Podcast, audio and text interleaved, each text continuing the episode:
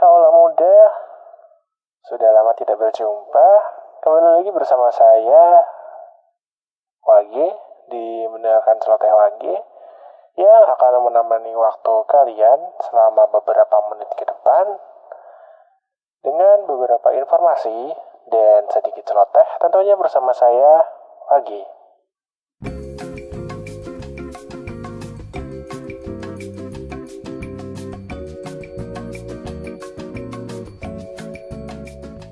Kenapa perut bapak-bapak pada buncit? Pernah gak sih kaulah muda kepikiran kenapa perut bapak-bapak, kebanyakan cowok 20 tahun atau umur 20 tahun ke atas, itu membuncit, layaknya perut orang yang lagi hamil, tapi tak kunjung melahirkan. Ya benar, tumpukan lemak atau cadangan makanan yang bertanggung jawab akan hal tersebut. Secara biologis, tubuh cowok akan menimbun lemak atau cadangan makanan di area perut, sedangkan cewek menimbunnya di area pinggul dan juga paha. Penumpukan lemak ini terjadi karena apa sih? Duduk tenang, relax, let me explain. Jadi, zaman dulu ketika manusia tidak bisa tiap hari makan secara rutin dan harus berburu, harus berburu makanan, maka tubuh membuat mekanisme untuk langsung menyimpan makanan yang dikonsumsi, sepersekian makanan yang dikonsumsi, langsung jadi cadangan makanan. Kalau-kalau besok tidak bisa makan. Hal tersebut masih berlaku sampai sekarang. Jadi ketika kita makan, sepersekian dari makanan yang kita makan langsung ditimbun oleh tubuh menjadi cadangan energi berupa lemak dalam perut kalau cowok dan sisanya sisa dari makanan tersebut baru digunakan untuk metabolisme tubuh. Nah, kalau dulu orang harus berburu dulu untuk nyari makanan, harus aktivitas fisik.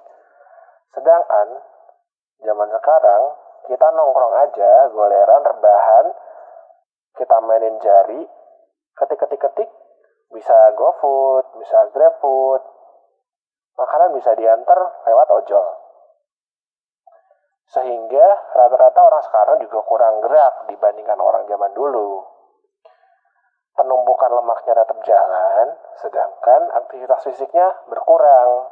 Hal tersebut yang membuat rata-rata kebanyakan cowok perutnya membuncit pada umur 20 ke atas.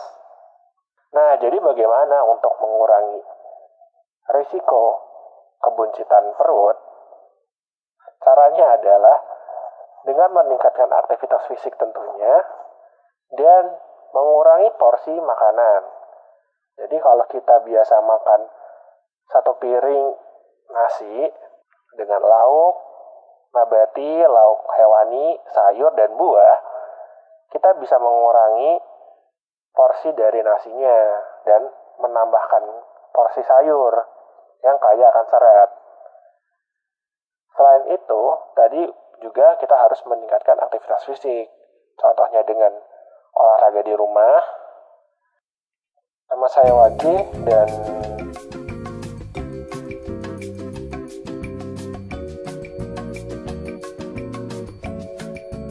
kebetulan bentar lagi kita kan puasa. Nah, puasa jadi salah satu cara paling mujarab tuh untuk menurunkan berat badan dan untuk mengurangi lingkar perut. Ya asal pas buka puasa sama ntar pas lebaran makannya nggak kalap ya.